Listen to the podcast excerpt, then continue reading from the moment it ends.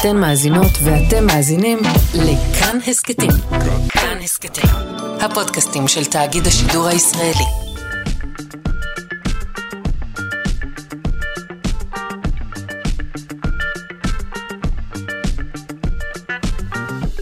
שלושה שיודעים.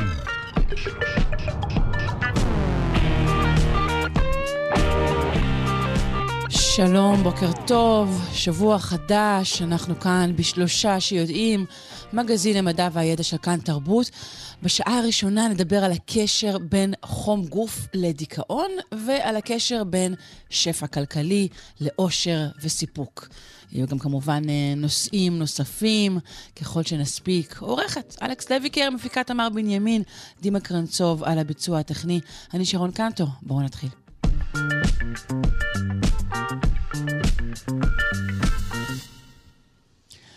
כששמעתי על המחקר הבא, נזכרתי אה, באמירה מקובלת ואולי גם מתומבלת של ילדותי, ידיים קרות, לב חם. או אולי זה היה ההפך, ידיים חמות, לב קר, אולי גם וגם.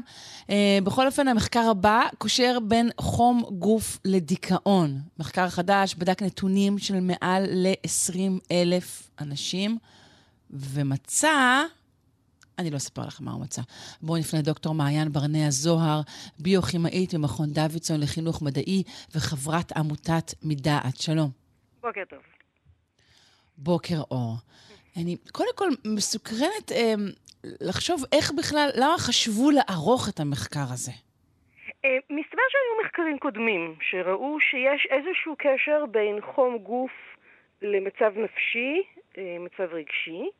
אבל המחקרים כולם היו מחקרים די קטנים. אגב, זה מידע שקיים כבר קרוב לשני עשורים, זאת אומרת, זה לא מידע מאוד חדש, אבל הם החליטו שהגיע הזמן לבדוק את הנושא הזה באוכלוסייה באמת הרבה יותר גדולה.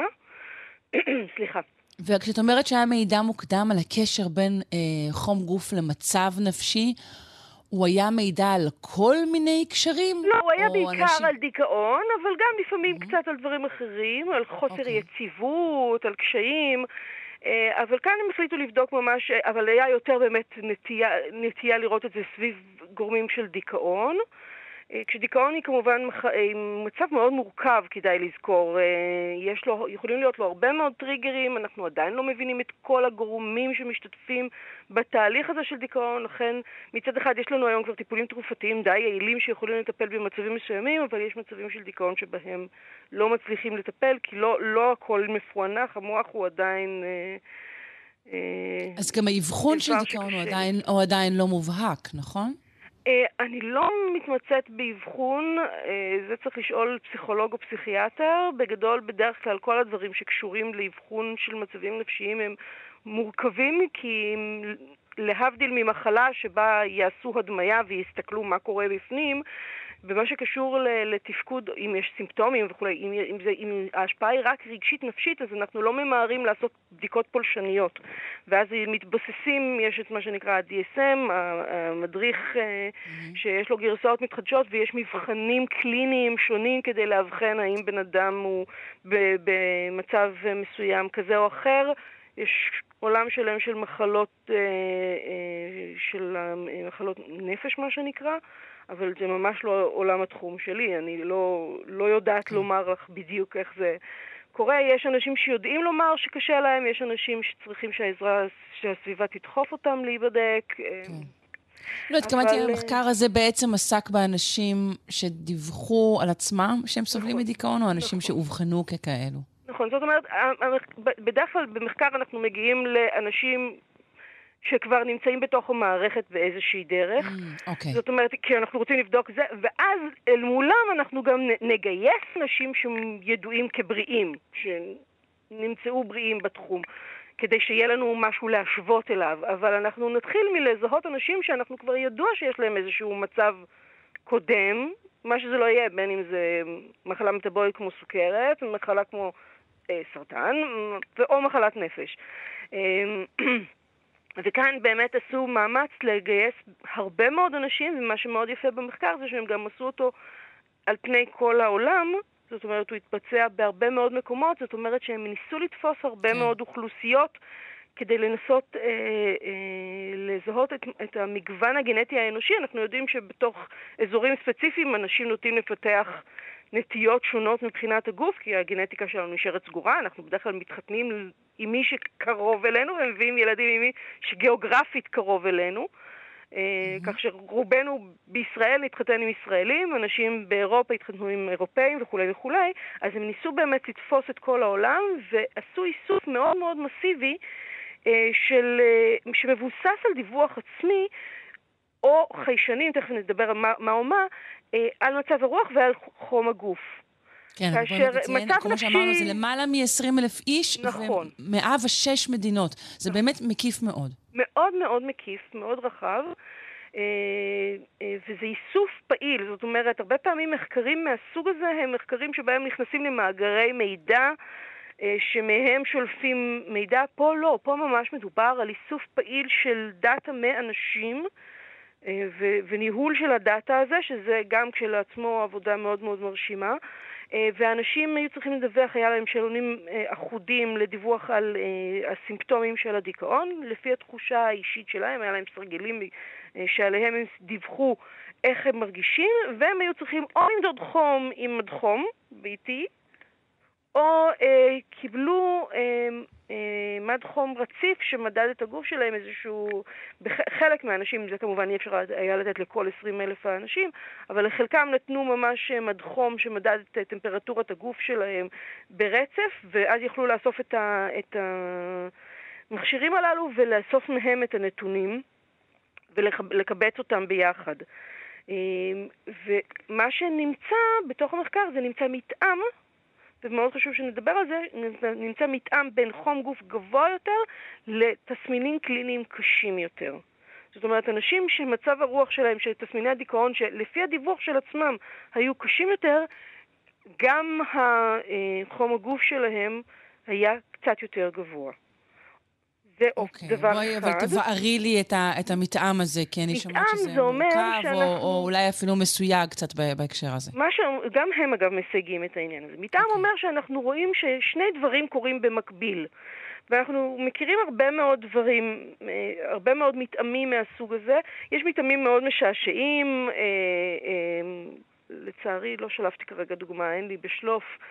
אה, אה, אבל זה שיש מתאם, כן, זאת אומרת ששני דברים קורים... כן, אבל מתאם הוא כמובן לא, לא סיבה, בדיוק, זה אנחנו לא כבר יודעים. שיש. Mm-hmm. אז אנחנו לא יכולים כן. לומר האם חום גבוה גורם לדיכאון, האם דיכאון גורם לחום גבוה, או שבכלל האפשרות השלישית והכנראה סבירה יותר, כל הדברים האלה, בקרת החום של הגוף שלנו מתבצעת במוח, בהיפותלמוס.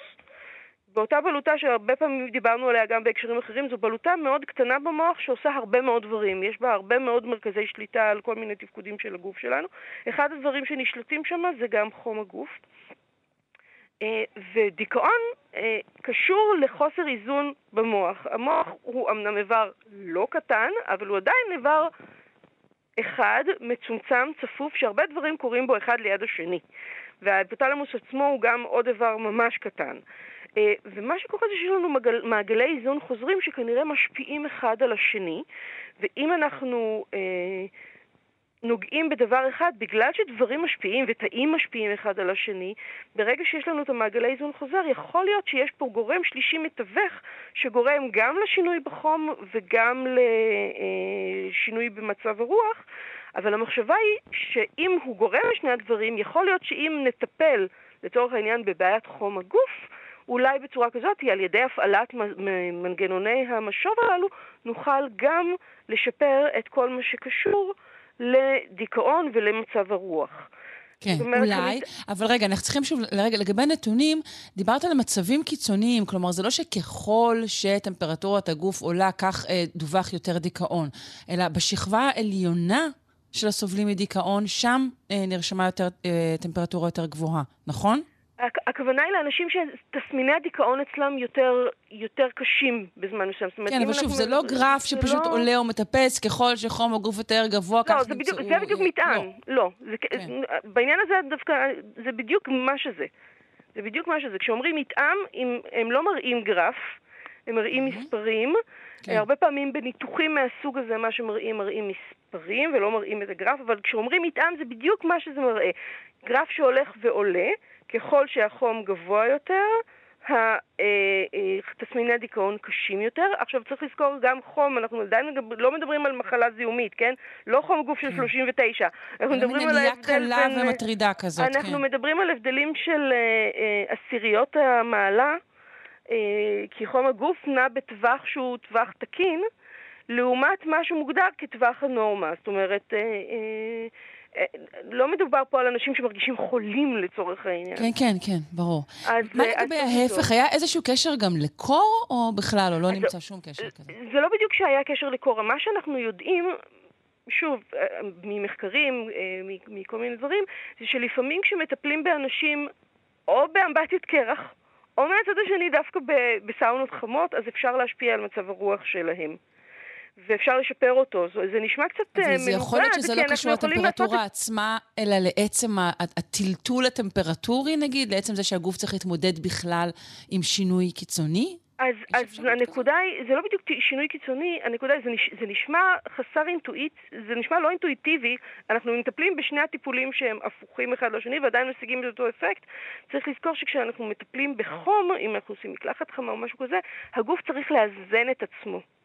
אנחנו בעצם, וכמו שהגדרת, דווקא הייתה אמירה מאוד יפה, הטלטול הזה, שהגוף צריך לאזן את עצמו, אנחנו כאילו נותנים איזשהו שוק למערכת של חישת החום קור, שמניעה בדיוק את המעגלים האלה של האיזון חוזר. ואז, אבל מה ששמח פה זה שלא חייבים לשלוח אותנו לעשות אמבטיות קרח, חלקנו מאוד לא יאהבו את זה, כן אפשר לשלוח אותנו לעשות אמבטיות חמות. אישית אני גם את זה לא אוהבת, אבל כל אחד והרגישות שלו. ולעזור בצורה כזאת לטפל באנשים, במיוחד שזה בדרך כלל אה, טיפול שהוא יחסית זמין, יחסית קל, אה, יחסית יכול להקל אולי נניח גם אם בן אדם מטופל וזה, אבל אם הוא מרגיש, אם אתה מלמד אותו, כשאתה מרגיש שרע לך, תיכנס תעשה לבחירתך או מקלחת קרה או מקלחת אה, חמה במיוחד, אז אתה יכול לעזור לבן אדם לעזור לעצמו. כן. אה, את לא חושבת כבר על שיווק מדבקות החום ומדבקות הקור. את ישר שולחת סתם לאיזו אמבטיה או מקלחת טובה, זה סתם אה, בחינה. אני לא שייכת לעולמות הפארמה, אני כנראה לא אעשה מזה... אה, רווח גדול, אבל גם מטיפולים mm. אחרים של עולמות הפארמה שדיברנו ותמכתי בהם מאוד, גם מהם אני לא מרוויחה, אז ככה שכנראה שזה... אני אשאר ענייה. אז נסכם, אה, נסכם שוב. ככל שתסמיני הדיכאון שדווחו היו חמורים יותר, אז כך גם ראינו שממוצע טמפרטורת הגוף היה גבוה יותר.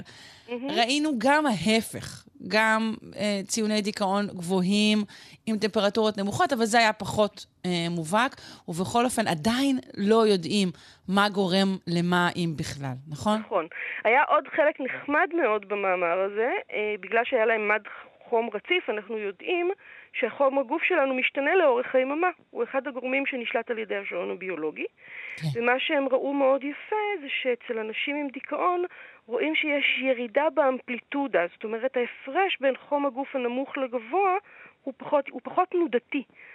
המשרד של הגל היא קצת mm. יותר נמוכה, הגלים הם יותר שקטים, ואצל אנשים שהמצב הנפשי שלהם תקין, הגלים שלהם גבוהים יותר. גלים גבוהים בדרך כלל של שעון ביולוגי אה, מקשרים, מקושרים למקצבים אה, אה, יממתיים תקינים, ואנחנו יודעים שיש גם קשר בין השעון הביולוגי ופגיעה בשעון הביולוגי למצב נפשי, כך שיכול להיות שזה גם חלק מאותו, מאותם מעגלי איזון חוזר שמתווכים בין השניים. וזה אמיתה מאוד מעניין מאוד. אה, טוב, אנחנו צריכות לסיים כרגע את שיחתנו. אני מודה לך, דוקטור מעיין ברנע זוהר, ביוכימאית עם מכון דוידסון לחינוך מדעי וחברת עמותת מדעת. תודה רבה. תודה, תודה, יום טוב. יום טוב.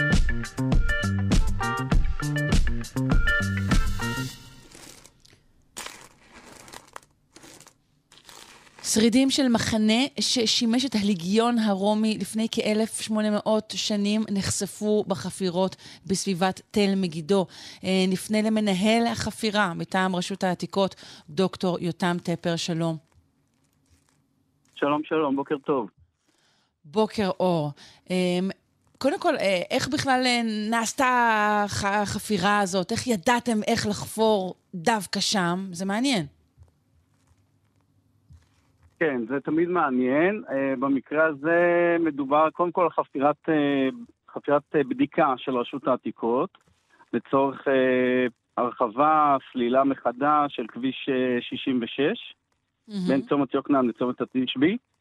אבל הפרויקט פה מתחיל קצת יותר אחורה, משהו כמו 20 שנה, 15 שנה, אנחנו מכירים את האתר הזה, זה אתר גדול שמשתרע משני צדדיו של כביש 66, גם, מ, גם מדרום מערב, גם מצפון מזרח, ואנחנו, אה, אני שותף באופן אישי לפרויקט שנערך כבר אה, מספר שנים אה, עם שותף אמריקאי, ואנחנו עובדים ביחד.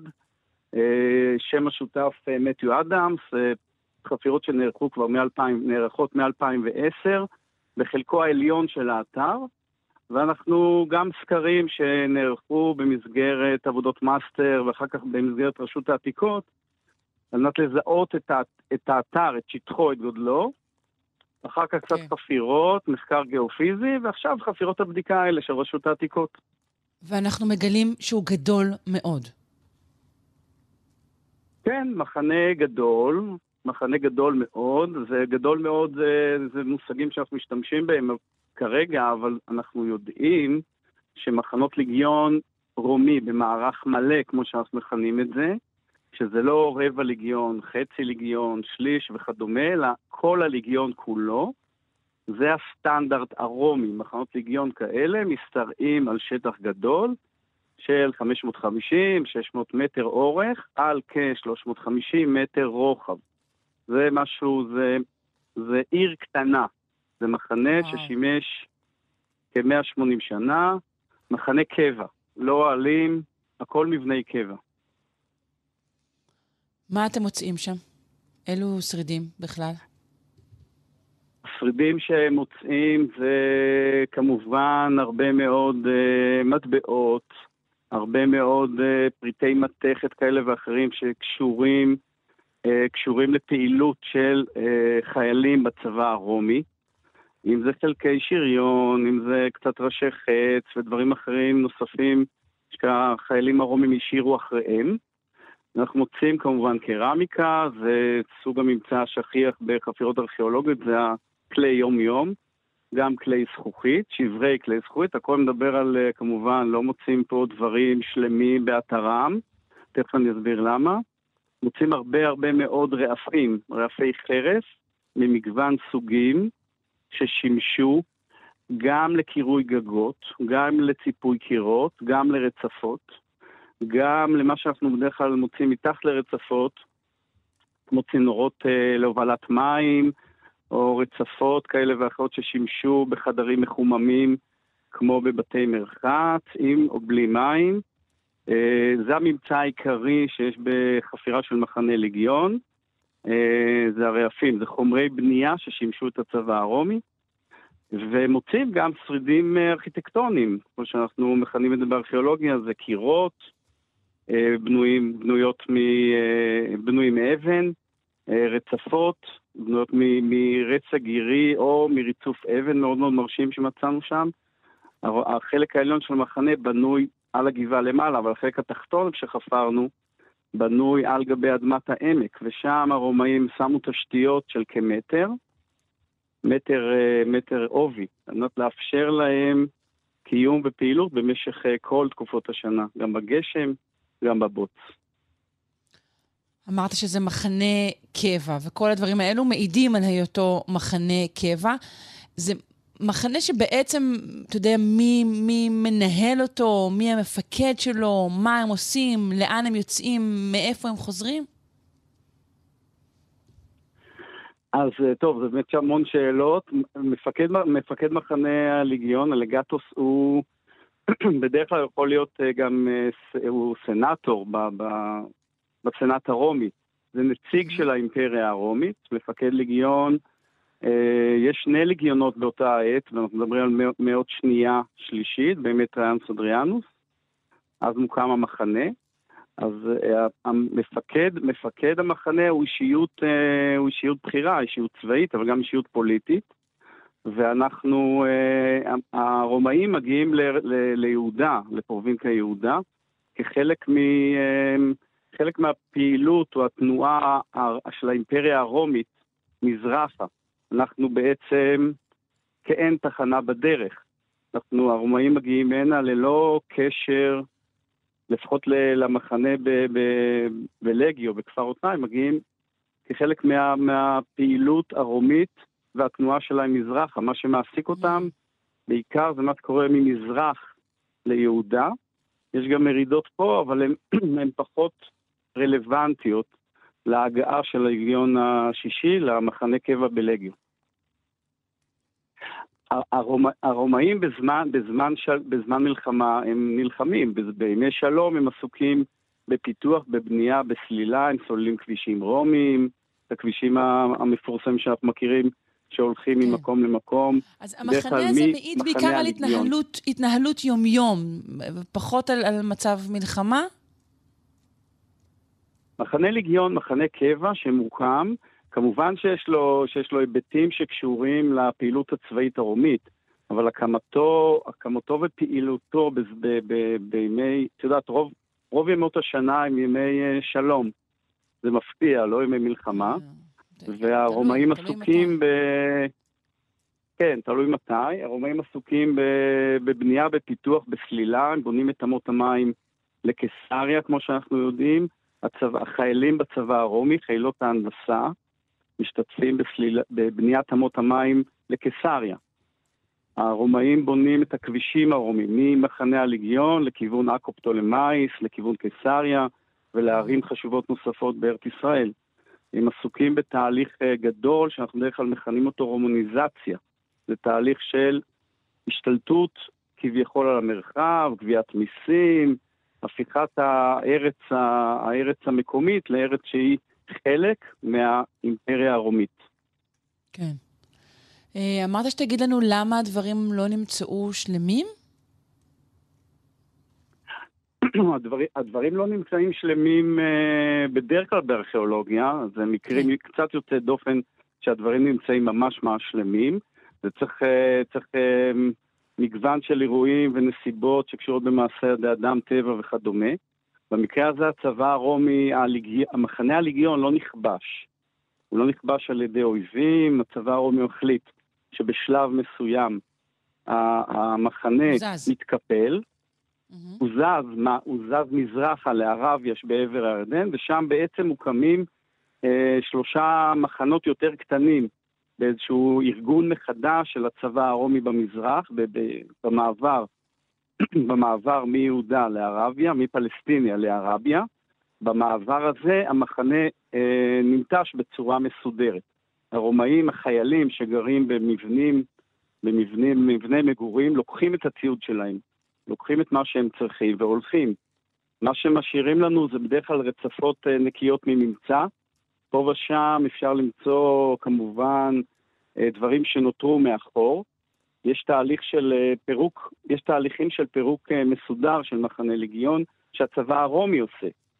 מכיוון שאנחנו נמצאים באזור שהוא ארץ, ארץ מושבת פעילה ויש יישובים מסביב, אז עם, עם יציאת הצבא הרומי אין ואקום, ואז למעשה במאה הרביעית, בראשית התקופה הביזנטית, נוסדה במקום עיר, עיר שקוראים לה מקסימיאנופוליס, על שם הקיסר מקסימיאן, mm-hmm. ואז האבנים, חומרי הבנייה וכל מה ששימש את הצבא הרומי ונותר מאחור, אנשים עושים בו תהליכי מחזור, כמו שאנחנו מכירים, משתמשים במה שנשאר, מעבירים את זה לעיר החדשה, שמוקמת על גבעה כשהם שוכן קיבוץ מגידו. וואי, זה מבלבל, אבל האלה, אנחנו באים אנחנו... לחקור דבר כזה, לא? אה, כן, זה מבלבל, אבל אנחנו צריכים, אה, אם אנחנו אה, לומדים ומכירים וחוקרים את ההיסטוריה ומכירים גם מקורות היסטוריים וגם את האזור והסביבה ואיפה שרידים נמצאים מתקופה כזו ומתקופה אחרת, אנחנו מצליחים לאט לאט לבנות את הפאזל הזה של, של מחקר ארכיאולוגי שהוא לא רק חפירה וגילוי מאוד מאוד מרגשים, אלא גם איזשהו התבוננות בתהליכים ארוכים ומה שקורה. אז המחנה לאט לאט מפורק, מה זה לאט לאט? במשך, אה, במשך אה, עד לאחרונה, עד 47, בטח המשיכו לקחת אבנים ליישובים בסביבה, אחר כך גם אה, ליישובים במדינת ישראל, לאט העבירו שברי עמודים, אה, אבנים יפות וכדומה, אנחנו מכירים את התהליכים האלה. ומה ש, שנשאר, מה שנשאר ממחנה הליגיון זה מה שאנחנו רואים מתחת, מה שאנחנו מוצאים מתחת לפני השטח. זה היום שדה חקלאי שמעובד כבר 50 שנה על ידי חקלאי קיבוץ אה, מגידו, מגדלים שם חומוס, חיטה וכדומה. ואנחנו מוצאים את השרידים הארכיאולוגיים מתחת לפני השטח. עדיין יש שרידים מאוד מאוד מרשימים שמהם אפשר ללמוד על מחנה הליגיון, איך הוא נראה, איך הוא היה בנוי, אה, ולמצוא ממצאים כמובן. כן. יפה. אה, דוקטור יותם טפר, מנהל החפירה הזו מטעם רשות העתיקות, אני מודה לך מאוד על השיחה. תודה רבה, יום טוב.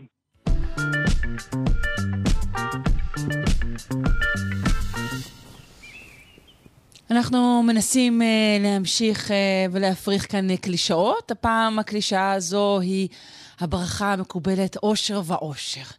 Uh, בסקרים שנערכו לאורך השנים בחברות מתועשות, נראה קשר ברור בין רמת הכנסה לאושר, אושר באלף. מחקר חדש שנערך בקרב עמים ילידיים וקהילות מבודדות מספר סיפור אחר לגמרי, ובעצם אה, קורא תיגר על הזיקה ההכרחית הזו אה, בין כסף אה, לבין אה, תחושת אה, סיפוק, שמחה, עושר. נשמע עליו מהדוקטור אריק שרמן, ראש המחלקה לכלכלה ומנהל, חוקר כלכלת עושר במרכז האקדמי רופין. שלום. בוקר טוב, שרון, מה שלומך? בוקר אור. אני בסדר, ואתה? לא רע, לא רע, בוקר נחמד. יופי, יופי, יופי. אם מדברים על אושר, אז ראוי באמת לברר את שלומו של הדובר, נחמד מאוד, אני מודה לך. Uh, באמת, uh, כמו שפתחתי ואמרתי, uh, עד היום בעצם רוב המחקרים היו בחברות מתועשות, בעצם חברות שדומות לנו, שבהן uh, הכסף הוא חזות הכל. גם כאן בתוכנית שהיא תוכנית מדע, אנחנו מוצאים את עצמנו שוב ושוב uh, חוזרים לאספקט הזה, כסף, זה מה שמניע את הדברים. כן, תשמעי עוד פעם, בחברה שאנחנו חיים, המוח שלנו, שזה אחראי לכל התחושות שאנחנו מרגישים, למד במהלך השנים לתרגם כסף כצורך הישרדותי. אנחנו קונים באמצעותו כל מה שנדרש כדי לשרוד.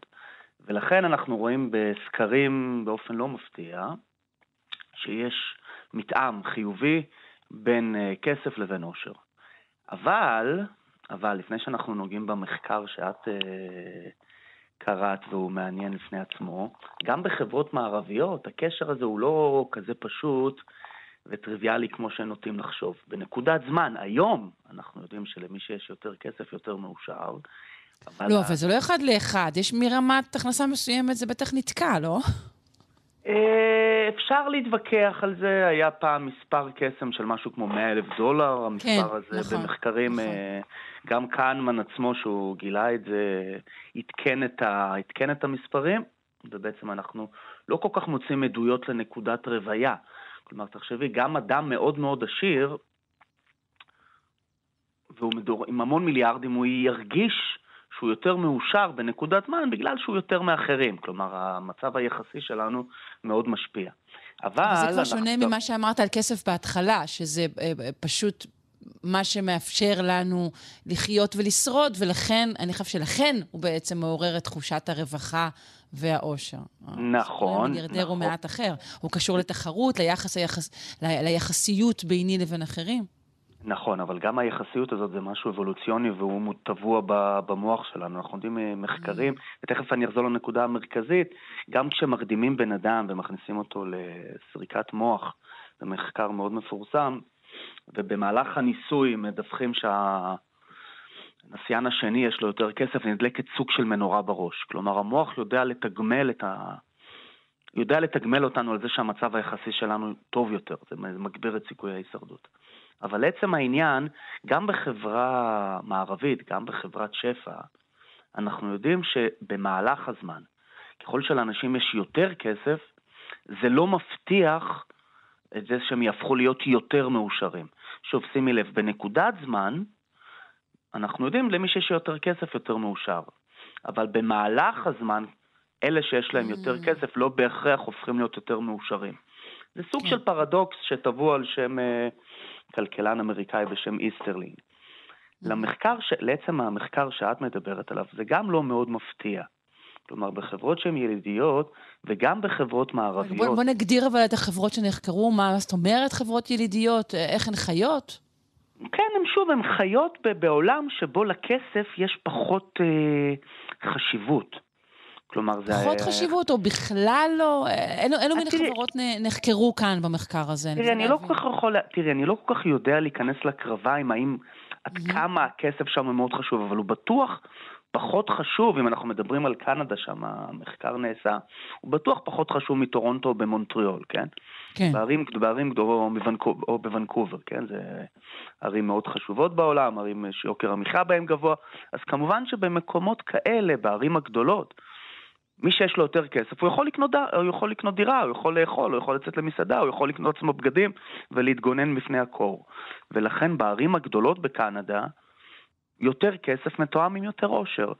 אבל גם בערים זה, הגדולות... כן, אתה מתאר את החיים, אנחנו רוצים לחשוב על החיים שלנו כהרבה יותר מרובדים ומורכבים, נגיד כעשויים הרבה מאוד מאהבה, מכמות החיוכים שאנחנו רואים בבוקר. אתה אומר, לא, מי שיש לו כסף לקפוצ'ינו ולזה בדרך לעבודה ולחימום הבית, הוא יותר מאושר. נכון, נכון, הוא יהיה יותר מאושר, כן, אבל, ושוב זה אבל, במחקר...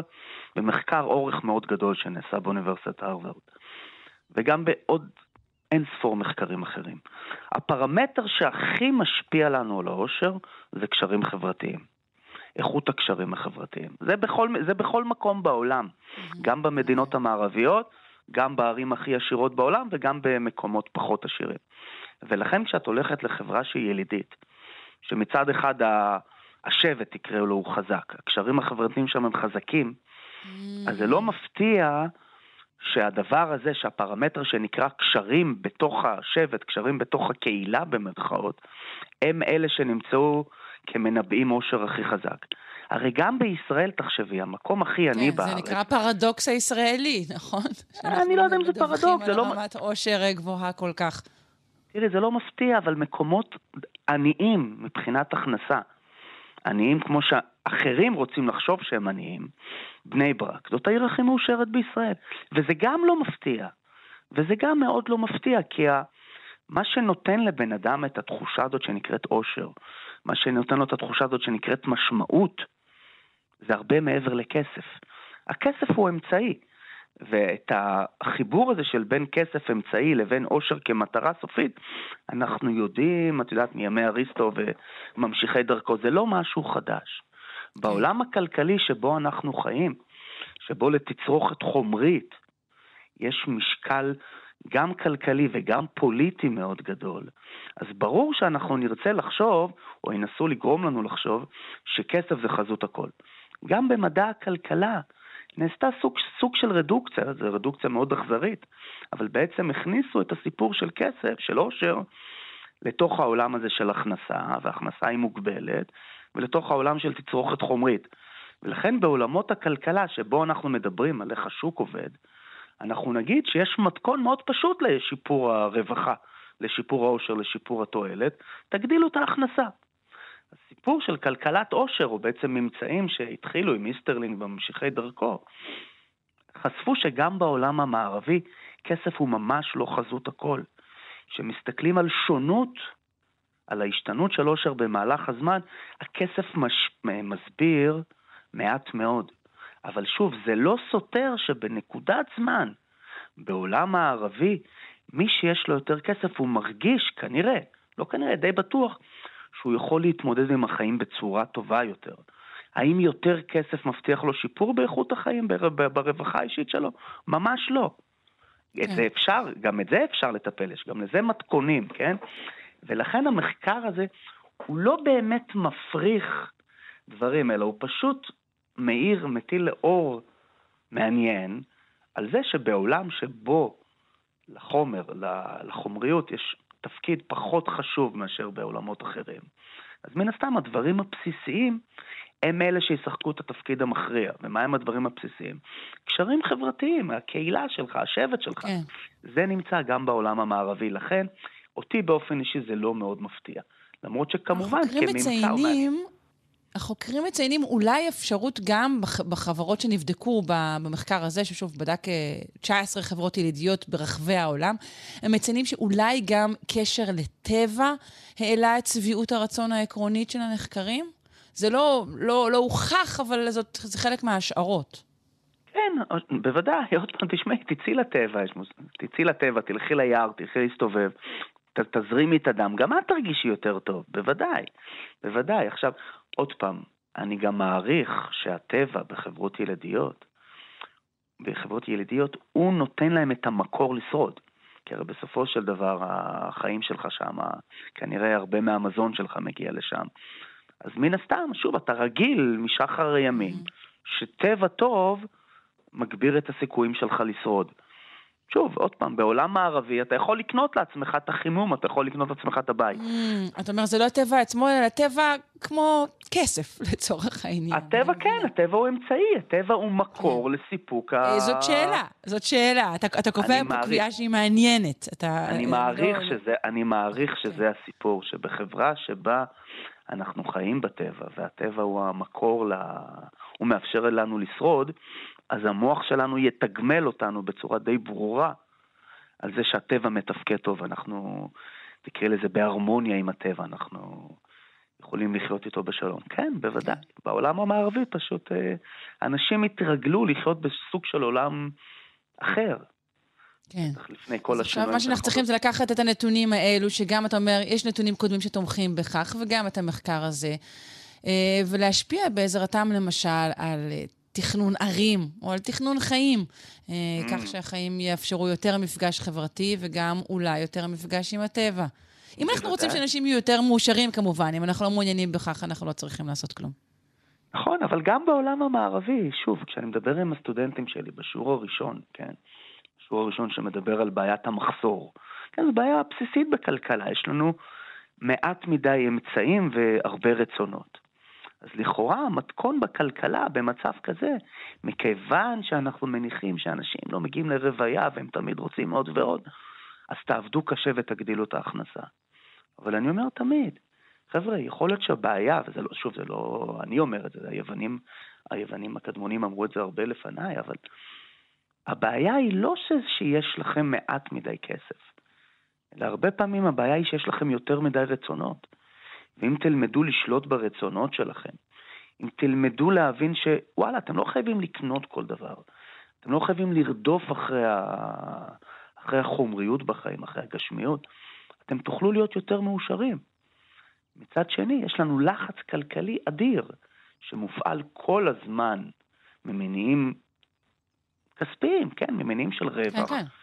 וכל הזמן אתה תחשוב שהרצונות שלך זה טוב, והבעיה שלך זה בהכנסה. תעבוד יותר קשה ותמיד תוציא יותר כסף.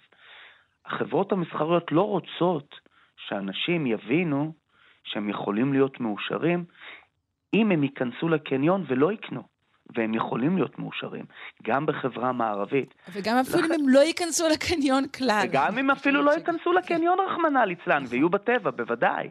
אה, אבל נכון, שוב, אבל גם... לשם כך באמת צריך שהסביבה, שהסביבה שאינה מסחרית, זה, זה דבר מאוד מאוד רחב, אה, תהיה מזמינה, מאפשרת וקיימת בכלל, והמרחבים האלו שאינם מסחריים אה, הולכים ומצטמצמים. אה, אני נאלצת לציין בשיחתנו שכן, פרופ' משה זורמן כבר על הקו, אני אשמח להמשיך ולשוחח איתך בעתיד. דוקטור אריק שרמן, ראש המחלקה לכלכלה ומנהל, חוקר כלכלת עושר במרכז האקדמי רופין. תודה רבה לך. תודה רבה לך על ההזדמנות, כל טוב. תודה רבה. כל טוב.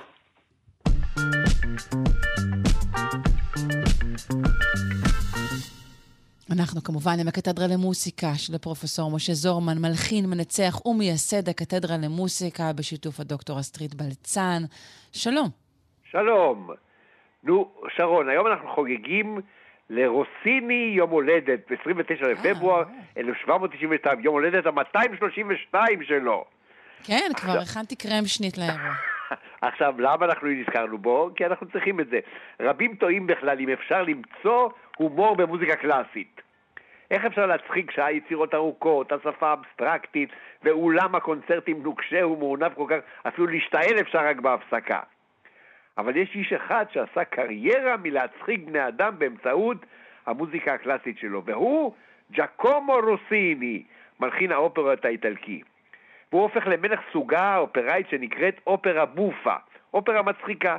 אופרה שבנויה על יסודות של הקומדיה דל ארטה האיטלקית, תיאטרון הרחוב הפופולרי, על הדמויות הסטריאוטיפיות. אז רגע, זה, זה כמו אופרה בורקס כזה? אופרה בורקס, בדיוק. בדרך כלל אופרה הרבה יותר קצרה, ולא מתעסקת במלכים ורוזנים ואצילים וכולי, רק על דמויות מהרחוב. הדוקטור המטופש, האב הזקן והנרגן, זוג האוהבים הצעיר שבסוף מגשים את אהבתם אבל בדרך חתחתים. אבל אצל רוסיני יש גם כמה פטנטים מוזיקליים שתומכים בטקסט ההומוריסטי. מה עושה רוסיני? יש לו דבר שנקרא קרשנדו רוסיני, איזה מהומה רבה לא מהומה. בליל של קולות מרוגשים שהולכים, מתגברים עד לשיא, מהומה גדולה על שטות מוחלטת ומצחיקה. וגם האנרגיה הריתמית לכן היא אנרגיה של איזה מנוע סילון. מה יש לו עוד? וירטואוזית טקסטואלית. הטקסט מאבד את משמעותו, הוא הופך להיות איזה מין כלי משחק בידי המלחין, והווירטואוזיות של המלחין זה כמו supercalifragilisticexpialidocious של מרי פופינס. זאת אומרת, התעסקות בטקסט בפני עצמו. לא חשוב שהוא לא אומר שום דבר. אז אם אנחנו רוצים להדגים את זה, בואו נפתח בקטע מהפתיחה לאופרה, הפתיחה בינתיים אינסטרומנטלית, לאופרה וילהלם טל מ-1826. סוף סוף, לאחר אין ספור אופרות קומיות, ניסה רוסיני לכתוב אופרה רצינית על נושא היסטורי, ונכשל כישלון חרוץ. והכישלון הזה אחריו כבר הוא לא חזר יותר לכתוב אופרות במשך שנים רבות, והוא הופך להיות, תשמעי, טבח מדופלם ומפורסם. ה master chef של פריז. ועד היום אתה נכנס למסעדות בפריז, אתה יכול לקבל סטייק רוסיני, ואתה יכול למצוא את המתכון שלו בוויקיפדיה. עכשיו, מה, מה היופי בפתיחה הזאת? מקצב דהרת הסוסים.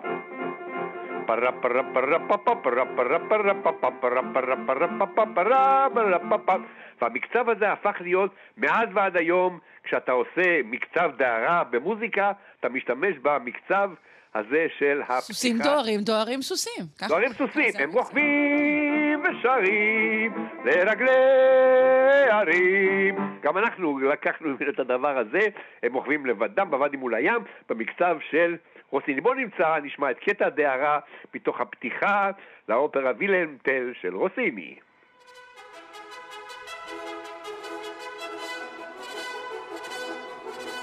טוב,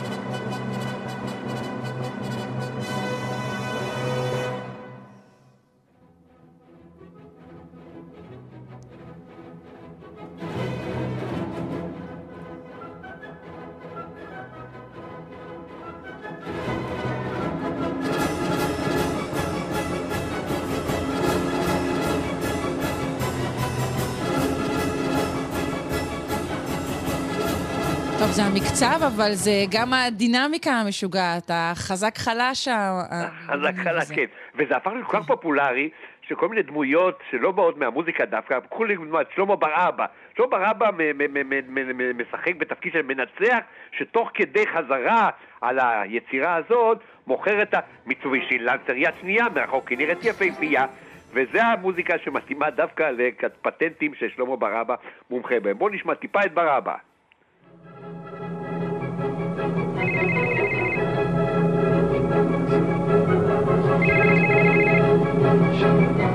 הלו?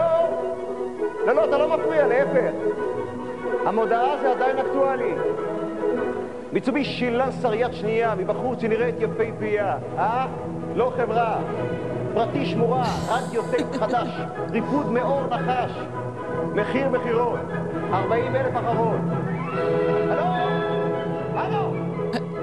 אוי, זה מעולה. וכך הוא ממשיך למכור, ובסופו של דבר נגמרת הפתיחה והוא מוכר את האוטו. הכל בסדר. אה, הוא מוכר בסוף? מוכר בסוף את האוטו. שהוא חלש, אוקיי. עכשיו נחזור לווירטואוזות הקולית של רוסיני. בוא נשמע את אריית הסיום של האופרה לכלוכית, או סינדרלה. באיטלקית השם הרבה יותר מצחיק, צ'דרנטולה.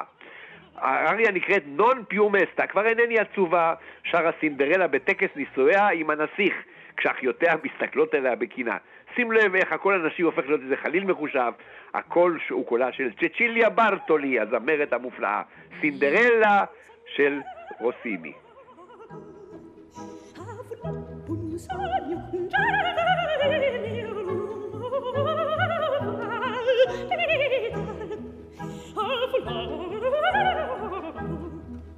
sogno un cielo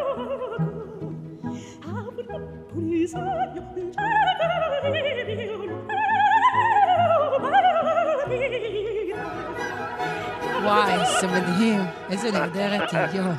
היא מדהימה, זו הזמרת הזאת היא חד פעמית.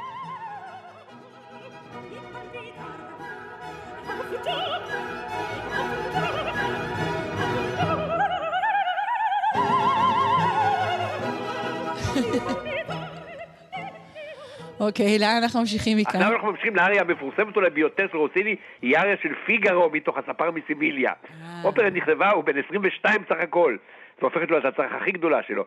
פיגארו הוא ספר, הוא לא רק ספר, הוא מעצב שיער, אבל הוא גם מתווך, שליח, מפשר, מגשר, תמיד חותך את הקופון שלו. רגע, בזמן אמת, מתוך- אומר, הוא היה בן 22, הוא כתב את זה, בזמן אמת כבר עפו על זה, נכון? כבר עפו על זה, כן, זו כבר. ההצלחה הגדולה כן. ביותר שלו. וכאן כמובן הוא מתלונן על זה, פיגארו, שהוא צריך להיות בכל מקום. פיגארו פה, פיגארו שם, אריה הכי מפורסמת של רוסיני.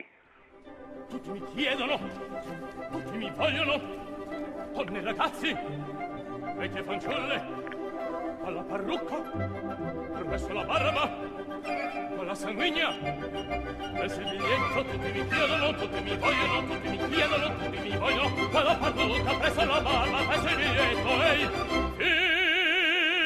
Figaro, Figaro, Figaro, Figaro, Figaro, Figaro, Figaro, Figaro, ahimè, ahimè, che furia, ahimè, che folla, uno alla volta, per carità, per carità, per carità, uno alla volta, uno alla volta, אני uno alla חושבת שיש לנו זמן לעוד. קטע אחד.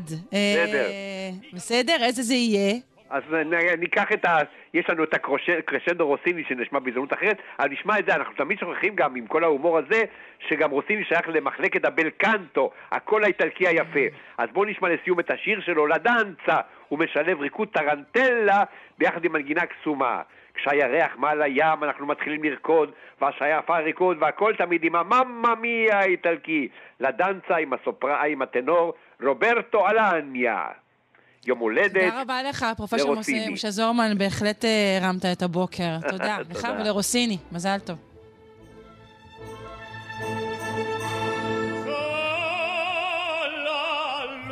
Mezzo al mare, mamma mia, si salverà. L'ora è bella per danzare, che l'amor non mancherà. Già la luna mezzo al mare, mamma mia, si salverà. L'ora è bella per danzare, che l'amor non mancherà.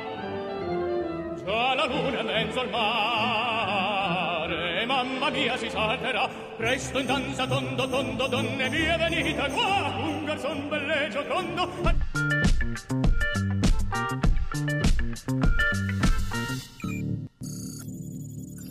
כעת אנחנו כמובטח עם בינה מלאכותית בשירות הארכיאולוגיה. אה, מדענים השתמשו בבינה מלאכותית כדי לקרוא טקסט אה, במגילה שרופה מעיר רומית עתיקה. אה, זה היה מסובך יותר ממה שאתם חושבים, אך יפרוס בפנינו את הסיפור כולו. הדוקטור רועי צזנה, עתידן וחוקר במרכז בלווטניק באוניברסיטת תל אביב. שלום. שלום, שלום. מה נשמע? בסדר, ואתה? היו שנים טובות יותר. כן, כן. כן. אה, אז. אנחנו שומעים כאן על אה, כל מיני אה, דברים שהבינה המלאכותית אה, עושה, אה, חלקם למעננו, חלקם אולי נגדנו, אפשר להגיד, אה, אבל אה, כעת היא מסייעת לנו להבין את עברנו בצורה טובה. בהחלט. אבל אני רוצה להגיד, זה... כשאני התחלתי לחקור את הסיפור הזה, אני הייתי במוד של בינה מלאכותית, הנה, עוזרת לנו, וזה נכון, אבל זה סיפור שהוא כל כך הרבה יותר מזה. זה סיפור על שיתוף פעולה אנושי, זה סיפור על חוקרים חדשים. אבל בואי נתחיל, בואי נתחיל הרבה בהיסטוריה, כן? לפני אלפיים שנים בערך, אה, כשאירע אחד האסונות המתועדים והגדולים ביותר בהיסטוריה העתיקה, אה, באזור העיר פומפיי. הר הגעש וזוביוס התפרץ, התפוצץ, וקבר תושבים רבים מאוד, אה, מתחת למטרים של אפר געשי ושל לבה.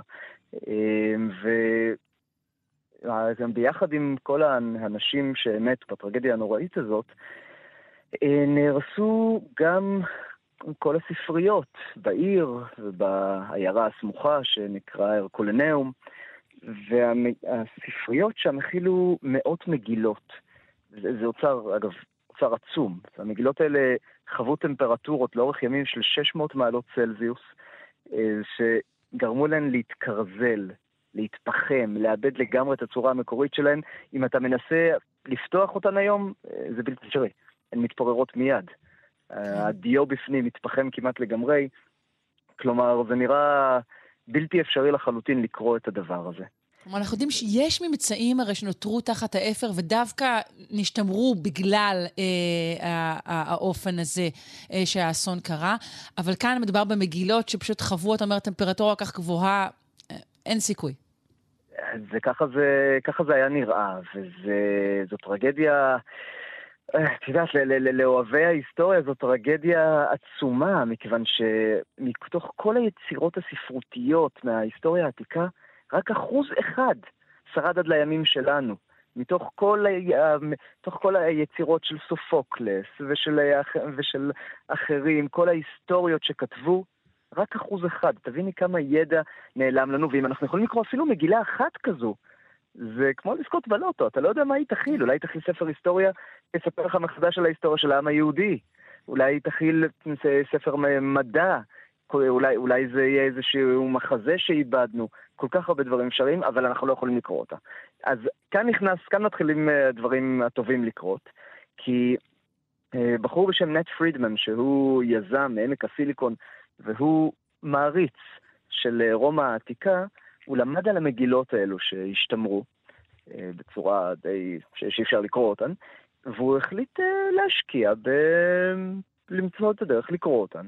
עכשיו, אם הוא היה עשיר טיפוסי, הוא עשיר, כן, אבל אם הוא היה מהרגילים, אז הוא היה תורם כמה מיליוני דולרים לאוניברסיטה, והייתה נפתחת מחלקה חדשה, ואחרי 10-20 שנים היה מגיע אולי איזשהו הישג.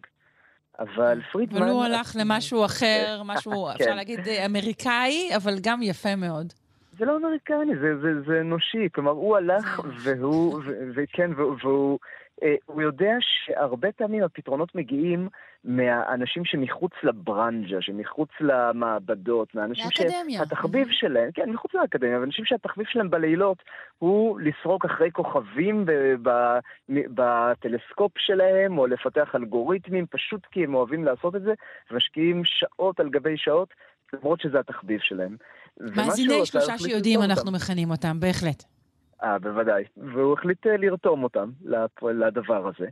אה, והוא הקים את אה, אתגר וסוביוס, The Vesuvius Challenge, שזו תחרות.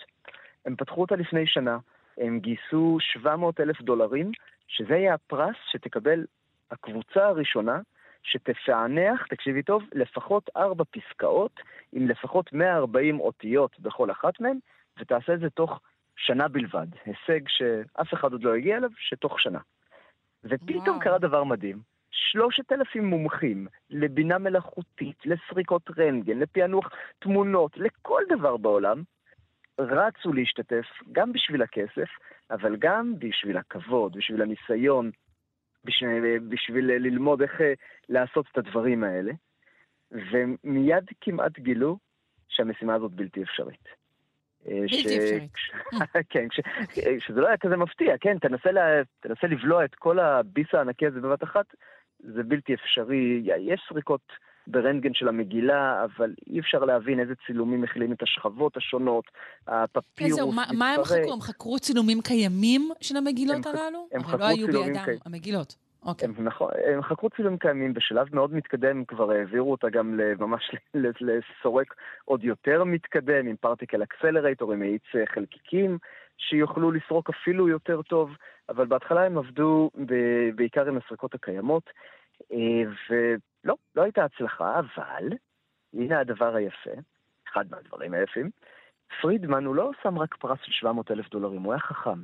הוא הבין שהוא משים רק את הפרס במקום הזה... רק את הבוננזה, רק לא את הפרס הגדול, כן, זה, לא, זה לא נותן לנו התקדמות מספיק טובה, בהכרח. נכון, זה, זה תמריץ עצום, אבל זה תמריץ עצום לתחרות שהיא כמעט הורסת, הייתי אומר, תחרות שבה כולם רודפים אחרי הפרס הגדול ולא משתפים פעולה. אז הוא שם עוד הרבה פרסים קטנים, שבמצטבר הגיעו ל-300 אלף דולרים, והפרסים הקטנים האלו ניתנו לכל מי שהצליח להשיג פריצות דרך קטנות. אבל היה צריך שפריצות הדרך האלו ישותפו עם כל המתחרים. כדי שכולם יוכלו לבנות עליהם. הוא בעצם עזר למתחרים לבנות סולם, שכל אחד בנה אבן, עוד דרך, אבן דרך קטנה, כדי לעלות עוד, עוד שלב. זו שיטה וה... מעולה, אוקיי. זו שיטה נפלאה, וההישגים הקטנים, זה מרתק לראות מאיפה הם הגיעו. אחד מהם, אני חושב שאחד מהראשונים הוא די, די מצחיק.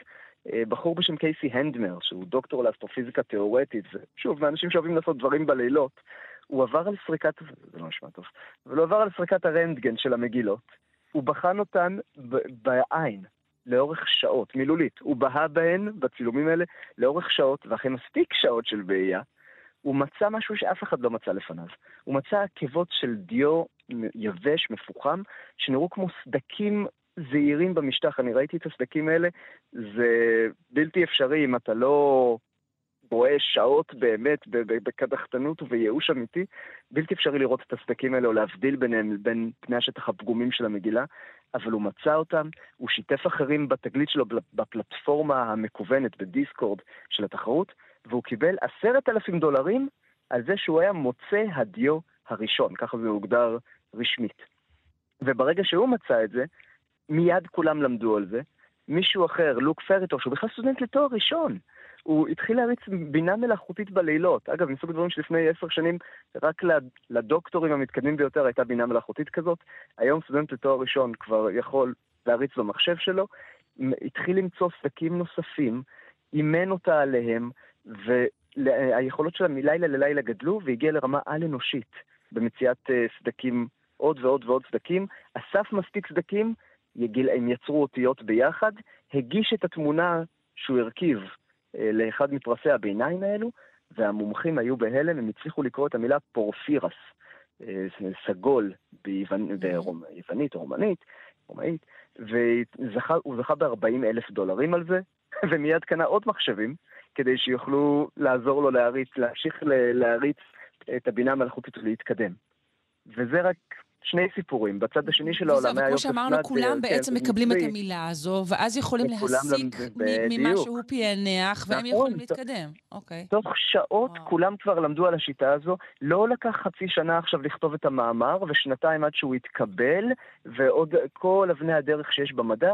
מיד כולם ידעו, מיד כולם למדו, מיד כולם השתלמו, מיד כולם התחילו להיאבק רגע, רגע, רגע, אתה, אין, אתה כל כך, אתה כל כך מרוצה מזה שאתה... אה, מישהו, מי עובר על הממצא שלו ואומר, וואלה, זו המילה שכתובה? הרי סיבה כן. לכך שהמנגנון האקדמי הוא כזה. צריך כן. אה, ביקורת עמיתים, צריך לבדוק דברים עד הסוף, צריך מחקרים אחרים. אין, אני עתידן, תני לי ישר לרוץ קדימה, אבל לעתיד. אבל את צודקת כן. לגמרי. תראי, אחת, קודם כל, אני חייב לשתף איתך שלפני כמה שנים אני הייתי בעצמי חוקר ב XPRIZE, ארגון שמקים תחרויות כאלו, ואחד הדברים החשובים ביותר זה להגדיר פרמטרים מאוד מאוד מדויקים להצלחה. ואחד הדברים החשובים לא פחות, זה להגדיר מי יהיו השופטים, מי יהיה צוות השופטים שיסתכל על התוצאות. כן. אה, ובמקרה הזה באמת, גם פרמטרים מאוד מאוד מדויקים, שזה חשוב, גם צוות השופטים, מכאן, כלל פרופסורים ומומחים לתחום, יודעי יוונית, מכירים, יודעים מה זה לעשות לא זרקנו את ההיררכיות הישנות לא, אה, ברגע שהכנסנו לפה את הבינה המלאכותית ואת אה, זרקנו, זרקנו, לא, זרקנו, okay. זרקנו את חלקן ועברנו לסוג של יותר מריטוקרטיה. אמ, כלומר, מי ששופט אותך זה לא שהוא שופט אותך בגלל שהוא פרופסור, הוא שופט אותך כי הוא מכיר את השיטות ויודע כבר מה, הוא יודע מה עובד ומה לא, אבל הוא גם בא עם ראש פתוח, והוא יודע לזהות הצלחה מאוד מהר כשהוא רואה אותה. ובאמת ראיתי את, את שיטות הניתוח של השופטים, הם עברו על כל אות, כל אחד נתן דירוג עד כמה הוא חושב שהאות ברורה ועד כמה הוא בטוח באיזה אות זו, ובסוף הם הגיעו למסקנה שבאמת מדובר כאן בהתקדמות ראויה בכל אחת מה, okay. אוקיי. מההתקדמויות. אמ, ו... אבל, אבל אמרנו שגם יש כן. עוד, עוד סטודנט אחר, שגם הוא, נכון, נכון גם הוא הריץ נכון, אה, סטודנט, בינה מלאכותית, אבל אולי נכון, בקטע אחר? כן, סטודנט מצרי שדווקא גר בברלין והתעניין בפפירוסים, כי הם, את יודעת, פפירוסים, ממש ככה הוא אומר שזה קרה, אמ, והוא גם אימן בינה מלאכותית על קרעים של מגילות עם שיטה אחרת, והייתה לו הצלחה ראשונית עם פרס קטן, והמשיך לשכלל, ומצא עוד אותיות, עוד מילים, קיבל עוד פרס קטן, כולם למדו על מה שהוא עושה, ואת יודעת, אמרתי, אלפי אנשים התקדמו ככה, אבל התחרות הוגבלה במכוון ל-2023.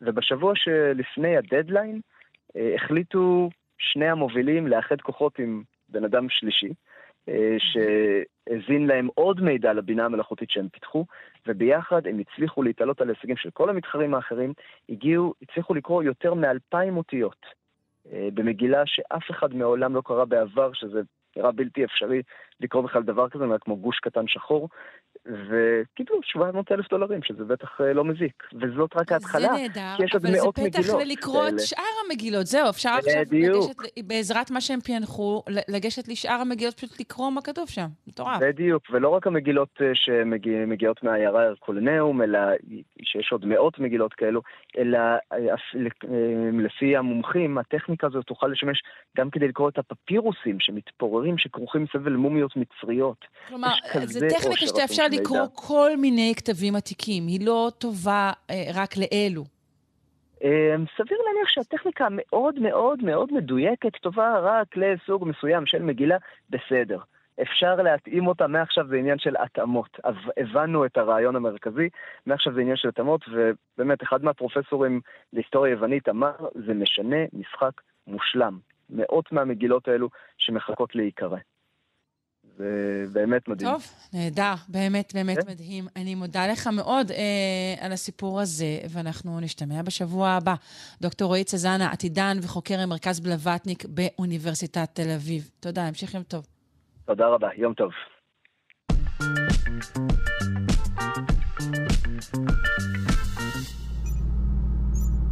אנחנו רוצים כעת אה, לעמוד על אה, חשיבותו של מערך המודיעין. אנחנו מדברים על מלחמה כמובן, אבל אה, מלחמה בין חיידקים לפאג'ים. אנחנו רוצים אה, לשוחח פה על אה, מחקר חדש שמדבר על, על סוג המידע המודיעיני והפענוח שלו, אה, אותו אה, עושים הפאג'ים במלחמתם בחיידקים. נפנה לפרופסור יגאל מאיר מהמחלקה לפיזיקה באוניברסיטת בן גוריון בנגב. שלום. בוקר טוב. בוקר אור. אמ, בואו נזכיר בכל זאת אה, את כל, ה, את כל הסיפור הזה של מלחמתם של, ה, של הפאג'ים אה, בחיידקים. מי הם הפאג'ים? פאג'ים זה יצורים קטנים, אה, משהו כמו וירוסים, שהם חודרים לחיידקים ומשתמשים במערכת הרבייה של החיידקים כדי להתרבות, אה, ובסופו של דבר להרוג את החיידק, לצאת למידיום ולחפש חיידקים חדשים. הם, הם היצורים, החיידקים והפאג'ים הם היצורים הכי נפוצים על פני כדור הארץ. פאג'ים לא מוגדרים בתור יצורים חיים כי הם לא יכולים להתרבות בכוחות עצמם, הם פשוט מנצלים את המנגנון של החיידקים כדי אה, להתרבות ולנסות אה, להמשיך אה, לחיות. אה, אז הם סוג, סוג של טפיל. סוג של טפיל, בדיוק כמו וירוס, בדיוק כמו וירוס שנטפל לתאים בגופנו.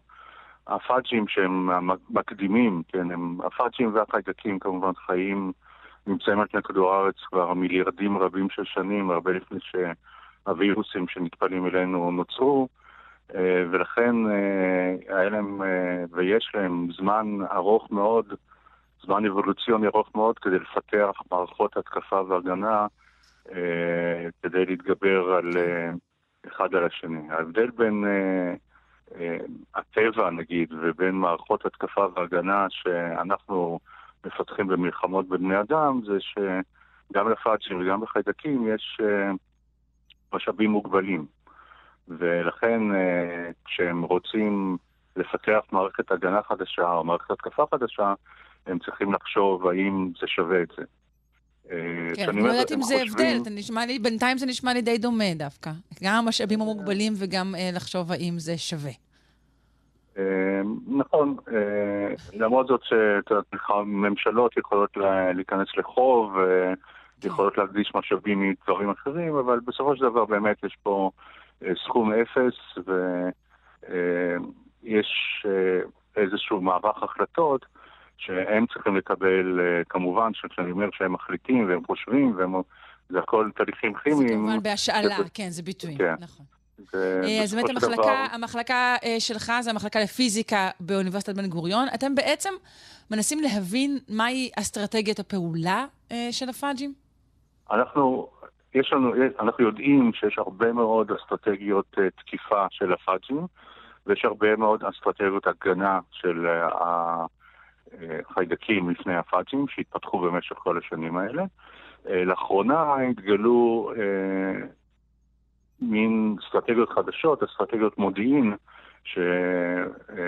שהפאג'ים פיתחו כדי לנסות uh, להתגבר על uh, מערכות הגנה של החיידקים. לפאג'ים, חלק מהפאג'ים, יש להם uh, שתי אפשרויות כשהם uh, חודרים לתוך חיידק. אפשרות אחת זה כמו שאמרתי, הם פשוט uh, uh, משתמשים במערכת ההגברה, מערכת הרבייה של החיידק, כדי להגביר את עצמם, להכפיל את עצמם הרבה פעמים, ואז הם הורגים את החיידק ויוצאים לחפש חיידקים אחרים. אפשרות אחרת זה פשוט הם אה, מזריקים את ה-DNA שלהם לתוך ה-DNA של החיידק, ואז כל פעם שהחיידק מתרבה הוא נושא איתו עותק של הפאג', ואז אה, באיזה שלב בהיסטוריה, בעתיד, אם הפאג' יחשוב שהנסיבות הן כאלה שכדאי לו להתרבות ולהרוג את החיידק, הוא יעשה את זה. אז כמובן שכאשר... איך הוא מחליט מהי הטקטיקה הנכונה ביותר, באיזה רגע? אם אפשר לשאול שאלה. קודם כל, אנחנו יכולים לשאול מהי הטקטיקה הנכונה. אז ברור שאם נגיד יש הרבה מאוד חיידקים לא נגועים בסביבה, אז כדאי לו להתרבות ולנסות להדביק גם אותם. כאשר יש מעט חיידקים לא נגועים בסביבה, או שאין חיידקים בסביבה, אז uh, כמובן כדאי לו לחכות ולצפות לעתיד טוב יותר. התהליך עצמו זה תהליך כימי, הוא אה, בדרך, באופן עקרוני. אה, יש ברוב הפאג'ים, אה, לפחות עד כמה שאנחנו יודעים, זה פשוט תהליך רנדומי. חלק מהפעמים הוא עושה ככה וחלק מהפעמים הוא עושה ככה. מה שהתגלה בשנים האחרונות זה שיש פאג'ים שמסוגלים לקרוא אינפורמציה מהסביבה, גם מהפאג', גם אה, אותות שהם בעצמם יוצרים, כלומר כל פעם שהם חודרים לחיידק הם uh, משחררים איזה אות, ואז... שמגיע uh, לחבר'ה? כאילו? שמגיע למדיום, ואז בסופו של דבר הם, הם קולטים את האות הזה, ואז יש להם אינפורמציה על כמות הניסיונות החתירה שנמצאים בסביבה, ואז הם יודעים בערך את היחס של מספר הפאג'ים ומספר חיידקים. אפשרות אחרת, יש משפחות של חיידקים שהם מדברים אחד עם השני, בלי קשר לפאג'ים. הם יוצרים קומוניקציה אחד עם השני כדי לדעת, לפעמים יש החלטות uh, חברתיות uh, שהם החיידקים צריכים לעשות כדי uh, להחליט מה אורך החיים שלהם.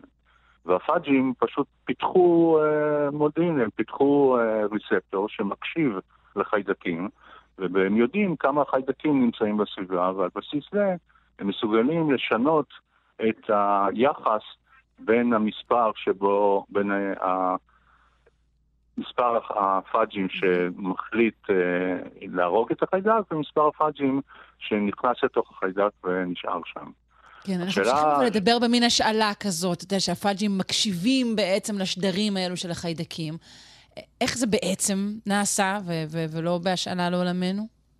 אז uh, החיידקים למשל, שמדברים אחד עם השני, אז יש להם ריספטור, יש להם uh, חלבון שהם אה, מפתחים בעצמם, ואז החלבון הזה, כל פעם שהמולקולה שמשחררים למדיום אה, מגיע אליו, נותן איזה אות חשמלי או משנה את אה, ההרכב שלו, את הצורה שלו, ונותן איזה תהליך, תהליך בהמשך, שבסופו של דבר גורם לחיידקים לפעול כפי שהם רוצים לפעול.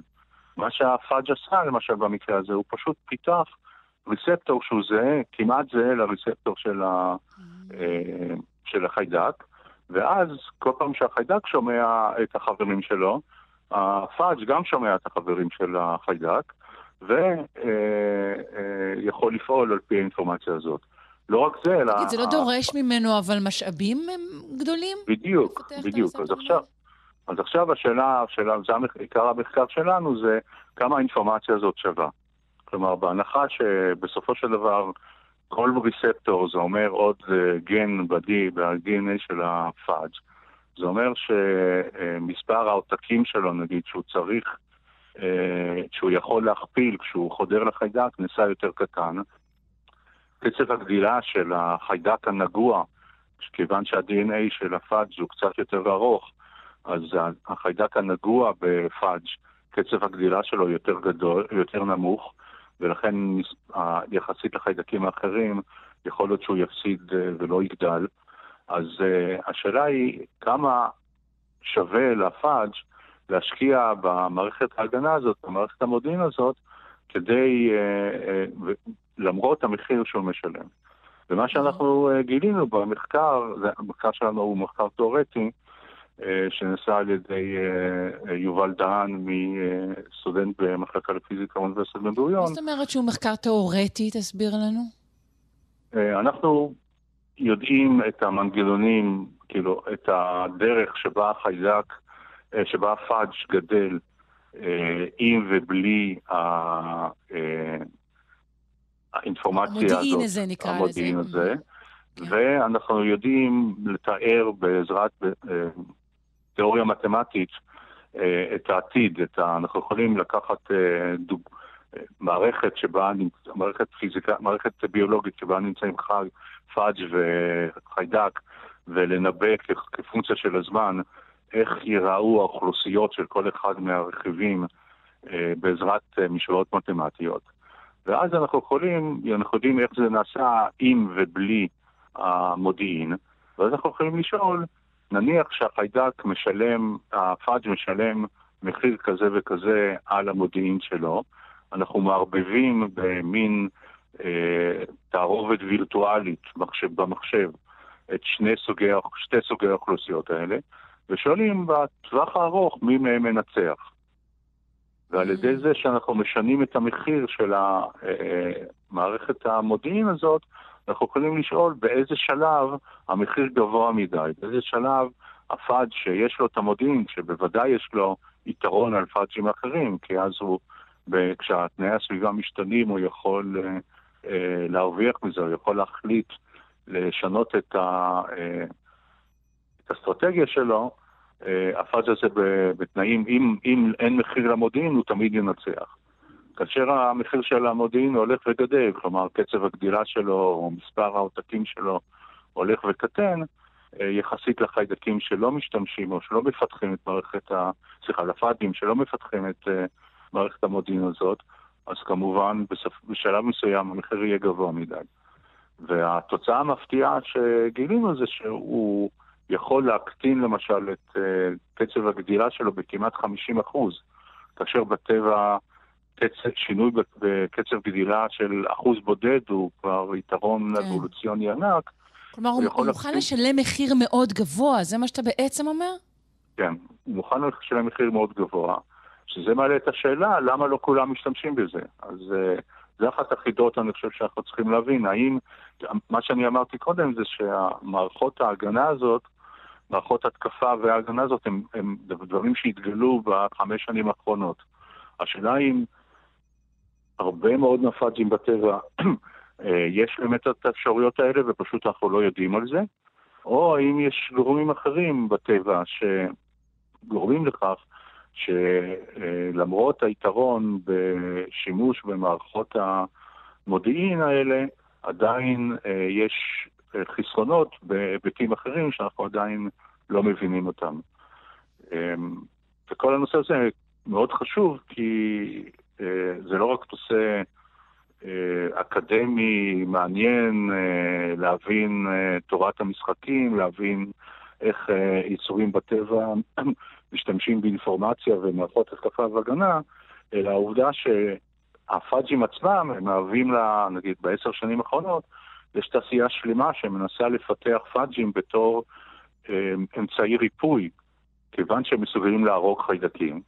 אז uh, במיוחד עבור חיידקים שמפתחים חסינות נגד אנטיביוטיקה וכיוצא בזה, אז uh, מנסים לפתח סוג שונה של uh, טיפול נגד חיידקים בעזרת פאג'ים. לפתח פאג'ים שינסו לה, אה, להרוג את החיידקים שמפריעים לנו.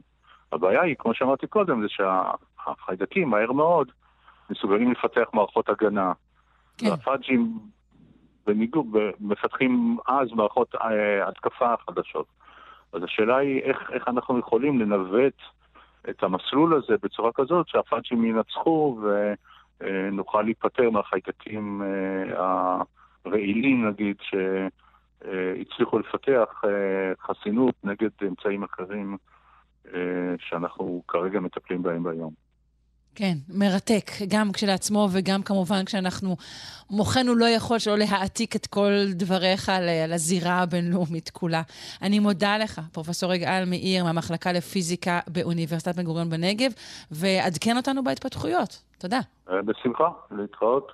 להתראות.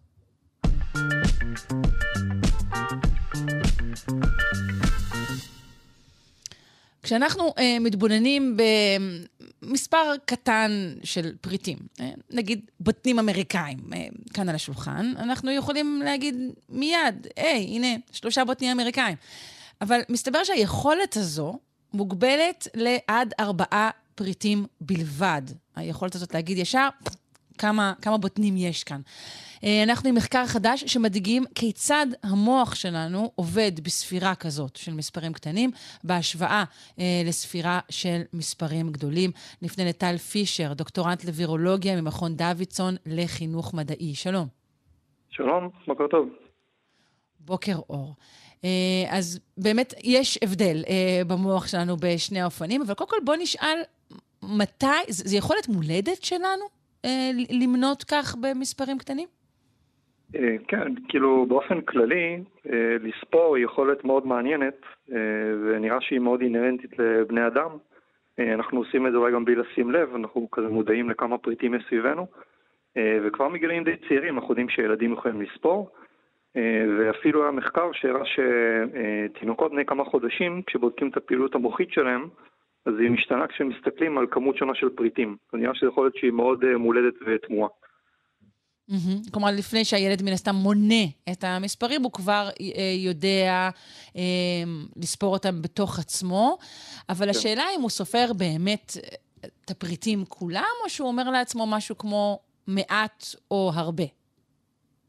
אה, כן, זו שאלה טובה, אני חושב שקשה כל כך להבין מה בדיוק התינוקות חושבים, אבל נראה שההבנה הכמותית של כמה פריטים יש היא באמת מאוד... מאוד, מאוד בסיסית ו, וטבעית לנו. אה, היא גם עוברת בין תרבויות, ויודעים למשל ששבט באמזונס, שבדקו אותו, שבשפה שלו אין מספרים בכלל, אה, עדיין בני השבט מצליחים לבצע אה, פעולות מתמטיות שמצריכות ספירה. אז נראה שזה משהו שהוא באמת הבנה שהיא מעבר לוורבלית, זה משהו שאנחנו יותר מרגישים. כן. אמ, טוב, אמ, לא נדון כרגע במה זה אומר על המציאות לעומת החושים, זאת כבר שיחה אחרת. בואו נגיע למחקר החדש הזה, שבעצם בדק את אה, פעילות המוח מול, אה, נכון, מול, מול מספרים נכון. קטנים, אה, אל מול הבחנה במספרים גדולים. נכון, אז זה באמת אפקט נורא מגניב, שתיעדו אותו כבר לפני עשרות שנים, וגילו שבאמת, כמו שאמרת, אה, יש את uh, המספר הקסם הוא 4, עד 4 פריטים אנחנו סופרים ממש מהר וממש מדויק. אז אם אני אראה לך תמונה עם שלושה תפוחים, תדעי להגיד מיד ובביטחון ובדיוק שזה שלושה תפוחים, ככה גם ארבעה. אבל ככל שאני אוסיף יותר תפוחים, חמישה, שישה, שבעה, אה, יהיה לך יותר קשה לדעת בדיוק כמה תפוחים, זה ייקח יותר זמן אה, לספור. אבל מן הסתם, זה תלוי בסידור שלהם. אם הם יסודרו, נגיד, ב, ב, ב, בשורות ובטורים, אני, המוח שלי יוכל להגיד לי מיד, יש כאן שורה שאורכה, שוב, נגיד 16, אתה יודע, שור, שורה של 4, טור של 4, אני כן אצליח לפענח את זה מהר מאוד. אה, נכון, כן, אנחנו מדברים פה בסוף בכל זאת הבדלים ברמה שמדובר פה על פחות משנייה, זה, זה הבדלים די קטנים, אבל זה עדיין, אה, אנחנו רואים שלוקח יותר זמן, שיש יותר טעויות, וזה באמת, ככל שיש יותר זה יהיה יותר קשה. וגם המטלות האלה הן בדרך כלל בונות על אה, סידור מרחבי די אה, רנדומלי של נקודות. Mm, אז באמת, הבנתי, אוקיי. בגלל שנראה שזה כל כך שונה לספור מעט דברים והרבה דברים, אז לאורך השנים התפתחה תיאוריה שאולי המוח באמת ניגש לדברים האלה באופן שונה, ושיש אולי שני דפוסי פעולה או שתי אסטרטגיות. אבל עד לאחרונה לא כל כך היה אפשר לבדוק את זה, כי צריך אה, לבדוק את המוח של בן אדם בזמן שהוא מבצע מטלה ברזולוציה טובה, אה, אבל עכשיו אפשר. אז uh, במחקר שפורסם עכשיו עשו בדיקה על אנשים שעמדו לעבור ניתוח מוחי בעקבות טיפול במחלת אפילפסיה, והאנשים האלה צריכים לעבור ניתוח, והשתילו להם אלקטרודות במוח באזור שמקושר להבנה של מספרים, וזו הייתה הזדמנות טובה, היה אפשר להראות להם, לתת להם מטלה ולראות איך המוח שלהם מתנהג. אז הציגו להם, uh, כמו שאמרנו, סידורים uh, אקראיים של uh, נקודות, והם היו צריכים להגיד האם מדובר במספר זוגי או אי זוגי של נקודות. וקודם כל, אז אה, בהתאם לספרות, הם ראו שבאמת עד ארבע נקודות, אז יהיו היה ממש טוב, ולנבדקים לקח ממש מעט זמן להגיד אם זה זוגי או אי זוגי, והם תמיד צדקו, מרשים מאוד. ברגע שהוסיפו יותר נקודות זה נהיה פחות טוב. עכשיו השאלה היא מה המוח עושה. אז המדענים גילו שבזמן שהאנשים ספרו, יש אוכלוסיות של תאים במוח שלהם שמגיבות באופן ספציפי למספרים ספציפיים של פריטים. אז אם יסתכלו למשל על אה, שלוש נקודות, יש תאים שהגיבו באופן ספציפי לזה, ואם יסתכלו על ארבע נקודות, יש תאים שהגיבו עכשיו לארבע נקודות. אה, ומה שמעניין הוא שנראה שהדפוס פעולה המוחי משתנה אם יש מעט נקודות או הרבה. אז כשיש עד ארבע נקודות, התאים מגיבים באופן מאוד מאוד ספציפי ודיסטינקטיבי, אז ממש התאים שמגיבים לשלוש נקודות יגיבו רק לשלוש, לא לארבע ולא לשתיים, אבל במספרים הגבוהים יותר... אה, יש, יש תאים שייחודיים לכל אחד מהמספרים הקטנים האלו? תאי תגובה? כן. וואו, אוקיי. ובמספרים הגבוהים אה, ההבדל היה שהתגובה הייתה פחות, פחות ייחודית וספציפית, אז תאים שהגיבו לשבע נקודות הגיבו גם לשמונה נקודות, אבל חלש יותר. וזה mm, מאוד מתאים למה שאנחנו רואים. זאת אומרת, כמו שאמרתי קודם, מעט או הרבה, אז בתחום המעט יש הבדל mm-hmm. מאוד גדול. אולי זה גם mm-hmm. הגיוני מבחינת אחוזים, אני חושבת, נכון? ככל שיש פחות, אז, אז כל שינוי הוא, הוא שינוי, אה, אפשר להגיד, הרי גורל. Mm-hmm. וככל נכון. שהמספרים היו גבוהים יותר, זה תויק פחות או יותר תחת איזשהו הרבה. היו פחות הבדלים. אה, נכון, כן, זה נראה שההפעלה של התאים הייתה הרבה יותר כללית ו... זה היה פחות קל אה, להבחין מהי אוכלוסיית התאים הספציפית הרלוונטית ביותר. וזה מאוד מתאים מה שאנחנו רואים, כי באמת ההבחנה במספרים קטנים הייתה מאוד מדויקת ו... וברורה. מספרים גבוהים זה היה קצת אה, יותר, אה, יותר קשה להבין, התאים עבדו בצורה די דומה. מה אנחנו חושבים שהם הסיבות לדבר כזה בטבע? אוקיי, אז, אז כאילו, יש פה את האספקט של איך הדבר הזה קורה, ויש את העניין של למה הדבר הזה קורה. אה, כן. בהקשר של למה זה אולי קצת להתפלסף, אבל אפשר לחשוב שבגלל שאנחנו מנתחים את העולם כל הזמן, אנחנו מקדישים הרבה משאבים קוגניטיביים לנסות להבין מה קורה ולנתח אותו, ואנחנו צריכים במערכת האבולוציה להקדיש את המשאבים שלנו למה שבאמת הכי חשוב. ובטבע יכול להיות שלהבין את ההבדלים הדקים בין מספרים מאוד גדולים זה לא כל כך משנה, אה, ולהבין את ההבדל בין 100 אה, זברות ל-101 זברות למשל, אולי זה פחות רלוונטי, פשוט להבין שיש פה הרבה מאוד זברות. במספרים קטנים, כשהיחסים ביניהם גדולים, כמו שאמרת, 2 אה, או 4 זה עניין של כפול 2, אז יכול להיות ששם יש יותר חשיבות. אבל באמת שזה משהו שצריך יותר לחשוב עליו לעומק ולהמשיך לבדוק אותו. בקשר איך הדבר הזה קורה... ויש כמובן את ההבחנה הגדולה והחשובה ביותר, שזה יש או אין, אם אני חוזרת לעניין הזברות. האם בכלל יש אה, כאן, כן. האם יש כאן מישהו שעומד לאכול אותי, או שאני יכול לאכול אותו? מה, מה קורה? אה, כן, זה, כשאנחנו, קודם כל חשוב, חשוב לאבחן מה, מה הגירויים, להצליח אה, להגיע מהר מאוד להחלטה לגבי מה אני רואה, ואז המידע הנוסף של כמה אני רואה ממנו, אה, זה יותר הרי גורל כנראה כשמדובר בפריטים קטנים, וכשיש הרבה מאוד ממשהו אז אני לא צריך להשקיע הרבה מאמץ כדי להבין בדיוק כמה יש מזה. כן. ואתה יכול לשפוך יותר אור על האיך? כאילו העיניים שולחות איזה שדר מיוחד? איך זה קורה? כן, אז אה, זאת, זאת שאלה שהיא, אה, זה באמת מאמר קצת ראשוני בהקשר הזה, וצריך להמשיך ולבדוק, ובכל זאת עדות ראשונה, אבל בהתאם לדפוסי פעולה שהחוקרים מצאו, הם משערים שמה שקורה פה הוא שהאוכלוסיות של התאים שמגיבות למעט נקודות, הם אה, לא רק פועלים בעצמם, אלא הם גם אה, מביאים לשיתוק של תאים אחרים. וזה עושה מין fine tuning, אה, אז תאים שמגיבים למשל לשלוש נקודות גם יביאו לירידה בפעילות של השתיים וארבע נקודות. ואז אנחנו מקבלים מצב כזה שבו התאים האלה הם מגיבים ביתר שאת, והתאים האחרים הם אה, לא מגיבים בכלל, וזה עושה את ההבחנה מאוד ברורה. אבל חשוב להגיד שזה באמת רק תיאוריה, והמחקר הזה הוא אה, די ראשוני. אז אה, בעתיד אולי אנחנו נוכל להשתמש במידע כזה במחקרים נוספים ולהבין יותר טוב איך אנחנו סופרים, ואולי גם להבין איך לאנשים שיש להם בעיה בספירה, למשל במקרים של אה, דיסקלקוליה, להבין מה בדיוק קורה שם. וגם ההפך, יש הרי אנשים שיש להם יכולת מניה משוגעת, אה, נכון? נכון, נכון, השוטה הגאון, אני חושבת, אה, נכון? כמו שרואים בסרט ריינמן, למשל, כאלו שפשוט סופרים באופן מופלא, ואנחנו לא מבינים איך זה קורה. כן. מעניין מאוד, נשמח לשמוע על מחקרי המשך. אני גם מסתקרנת לגבי תגובה לגדול או קטן. בקיצור, כל הכמויות האלה, עכשיו זה נראה לי כמו אה, עולם שלם של מסתורין. אני מודה לך, טל פישר, דוקטורט לווירולוגיה עם מכון דוידסון לחינוך מדעי. תודה, להתראות. תודה רבה, יום טוב.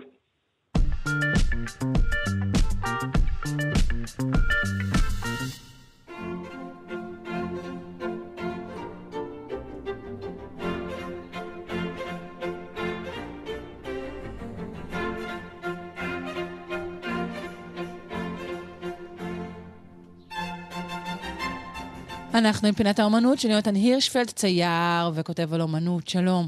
בוקר טוב, שרון. בוקר אור. אנחנו רוצים uh, להמשיך עם כלבים באומנות. אנחנו רוצים להמשיך ולייחד את הפינה לענק הרנסאנס הוונציאני, טיציאן, כשהתחלתי לארגן את המחשבות שלי על כלבים באומנות, שמתי לב שיש לו מחשבה נפרדת משל כולם, ושיש לו המון המון כלבים בציורים, ושהם אה, לעיתים קרובות מביעים אה, סנטימנט של אה, כאילו, את יודעת, כלבים מאוד אוהבים אותך, והם מאוד, וכשאתה בא ואתה מקשקשים בזנב הזה, אבל כאילו טיציאן לא משוכנע שהרגש הזה הוא טוב. טיציאן כן. רואה את האהבה הזאת של הכלבים. רגע, לפני שנגיע לטיציאן של הפינה הזו, תן לנו תקצירון כן. קטן של מה שאמרת על כלבים באומנות בכלל, לפני טיציאן. בשבוע שעבר. אז ראינו, ראינו שהם משמשים תחליף לבני אדם, כיוון שהם לא בדיוק בעל חיים, כמו החמור או השור או הכבש, שאפשר לעשות מהם אה, אה, מטאפורות קלות. וראינו את הכלב משמש גם כמטאפורה אקזיסטנציאליסטית אצל גויה וג'קומטי, וגם כבדיחות על סקס, וכל מיני דברים שקורים בתוך הדומסטי, בתוך הבית. הכלב הוא, הוא החיה היחידה שהיא בעצם, אולי גם החתול, אבל בעיקר הכלב הוא החיה היחידה שהיא בעצם חלק מהמשפחה. כן, שהיא נמצאת בתווך הזה אולי, אה, שבין ה... בין הפראי לתרבותי. אוקיי.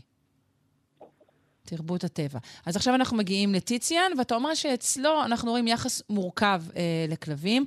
אה, נציין, ממש. כבר שכחנו לציין, אה, שמי שרוצה להסתכל על העבודות המדוברות מוזמן להיכנס כרגע לעמוד הפייסבוק, כאן שלושה שיודעים. אה, שם יונתן הקדים אה, והניח את, ה, את העבודות. אה, באיזו נתחיל? נתחיל בשלושת גילאי האדם, עבודה מאוחרת מאוד של טיטיאן, שאגב האריך שנים אה, כפול מבני דורו, הגיע, עבר את ה-90. תחשבי שרפאל מת בן 37, ג'ורג'ונה חברו הטוב מת בן 31, הוא עבר את ה-90. איזה גנים.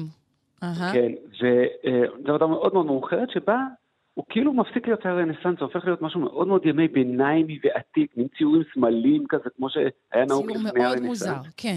ציור מאוד מאוד מוזר, שנקרא שלושת גילי האדם, ובו הוא מביט בפרופיל, כמו איזה קיסר, שרואים אותו רק בפרופיל, את יודעת, אה, ומתחתיו מופיע הזאב. מהו הזאב? הזאב הוא הפראיות שאי אפשר לביית, הבודד, ה- away from the flock, away from the herd, כאילו הזאב הבודד, לא יודע, הרמן הסה של המאה ה-20 כזה, אפור, אה, את יודעת, מחוץ לתרבות.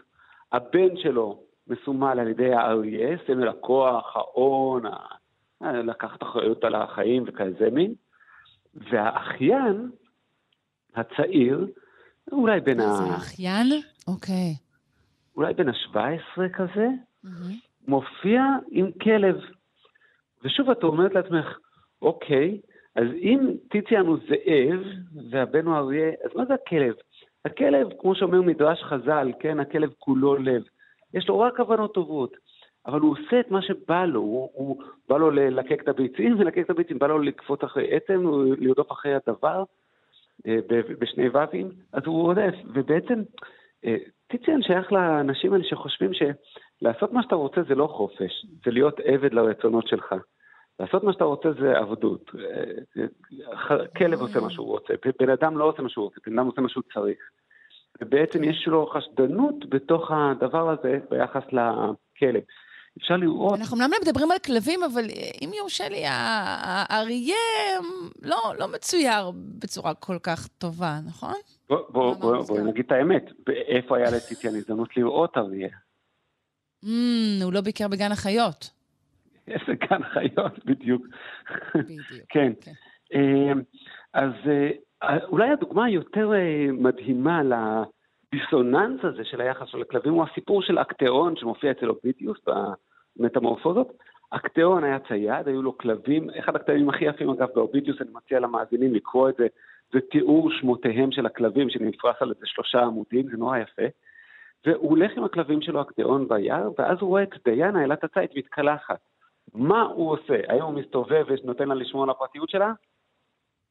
לא, הוא לא. מציץ למתקלחת. ברור. והאם דיאנה מקבלת את זה בשוויון נפש ואומרת, סבבה, אפשר להציץ לי? לא. היא לא. הופכת אותו לצבי. היא הופכת אותו לצבי, ואז הכלבים, סמל הנאמנות, לא מזהים אותו שהוא צבי, ותוקפים אותו ואוכלים אותו. ושוב פעם אנחנו רואים אה, סיטואציה מדהימה שבה הכלב, סמל הנאמנות, פונה נגדך. ואפילו בעבודה האחרונה ממש... רגע, מה, מה טיציאן מבקש להגיד לנו? מעבר לאמירה אולי, נכון, זה לא על כלבים, מה שהוא רוצה להגיד. אה, לא, הנושא פה הוא נורא מורכב, הוא לא בגבולות התוכנית הזאת. הציור הזה הוא ציור שדורש אה, תוכנית, אה, שמונה תוכניות. זה ציור מאוד מאוד מורכב. קח איזה שתי כן. דקות. זה ציור מאוד מאוד מורכב, הוא דין וחשבון של טיציאן המבוגר על המקום שלו כצייר חילוני מול צייר דתי, זה משהו, זה זו רטרוספקטיבה שהוא עושה לעצמו בזקנתו. הוא חוזר בזקנתו לנושאי נעורים ומצייר אותם שוב, הוא כבר צייר את mm. אקטאון בנעוריו.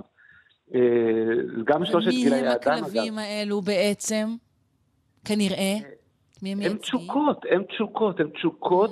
שאין להם תבונה, תשוקה ללא תבונה, זאת הבעיה של הכלב, שהוא תשוקה ללא תבונה. גם הנאמנות והאהבה שלו לא שווה הרבה, כי זה נאמנות ואהבה ללא תבונה.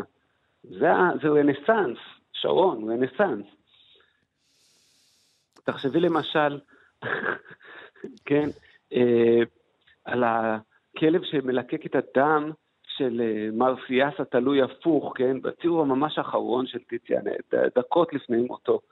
אה, מרסיאס שהתחרה עם האלים בנגינה וניצח אותם, אפולו לא מקבל את זה טוב. את מכירה את זה שאפולו לא מקבל טוב הפסדים? ו... אה, למה לנצח? אתה פשוט תפסיד לאפולו, מה אתה צריך לנצח אותו? קיצור, אז אפולו תולה אותו ופושט את אורו מעליו בסכין, ואז, וגם זה מאובידיוס, והתיאור מאוד מאוד מזעזע שכל האיברים שלו חשופים ושותתי דם, ואז הכלב שלו, הכלב של אה, מרסיאס, הסמל הנאמנות, בא ומלקק את הדם מהשלולית. ושוב אנחנו רואים שאצל טיציאן כלבים הם חמודים ומתוקים, וזה אחלה דבר שבעולם. אבל האהבה הזאת והמתיקות הזאת היא באה בלי תבונה. דקה אחרי שאתה מת, אוי, הנה שלולית עם דם, בוא נלקק. אין איזה... כדי להבין שזה לא בסדר צריך תבונה, כן? להבין כן. שזה לא בסדר.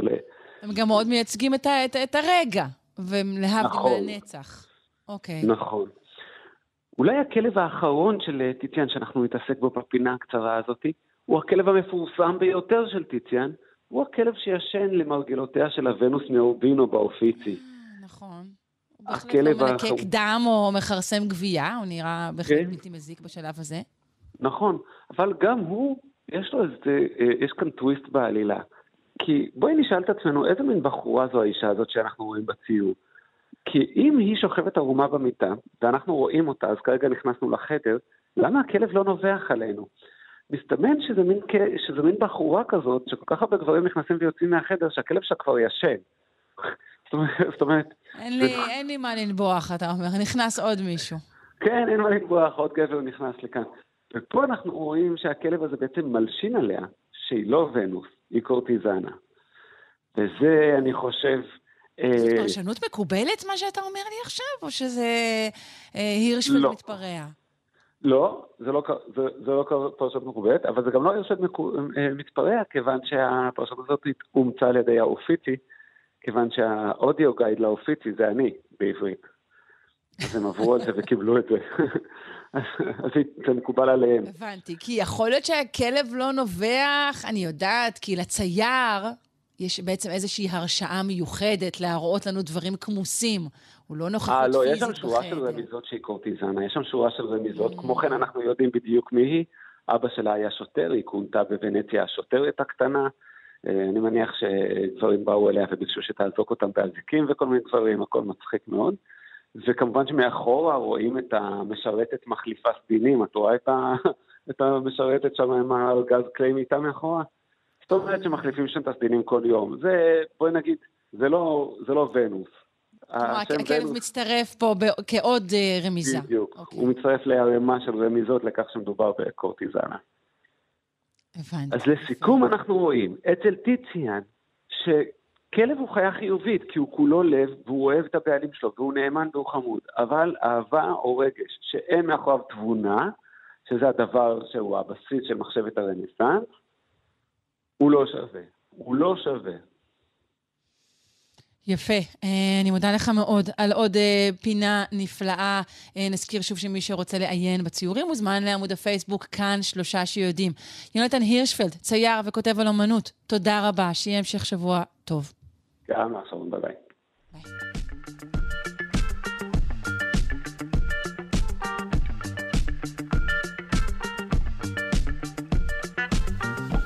עד כאן, שעתיים שלנו, שלושה שיודעים, שעתיים שערכה אלכס לויקר, שהפיקה תמר בנימין, דימה קרנצוב היה על הביצוע הטכני. כרגיל נזכיר לכם ששלושה שיודעים משודרת מדי בוקר בשידור חי בשעה שבע בבוקר, ואחר כך בערב בשעה שמונה בשידור חוזר למשך שעתיים תמימות. אתם מוזמנים כמובן גם להאזין לנו בצורה של הסכת ביישומון של כאן תאגיד השידור, או אה, בכל יישומון הסכתים אחר שבחרתם. לטפח.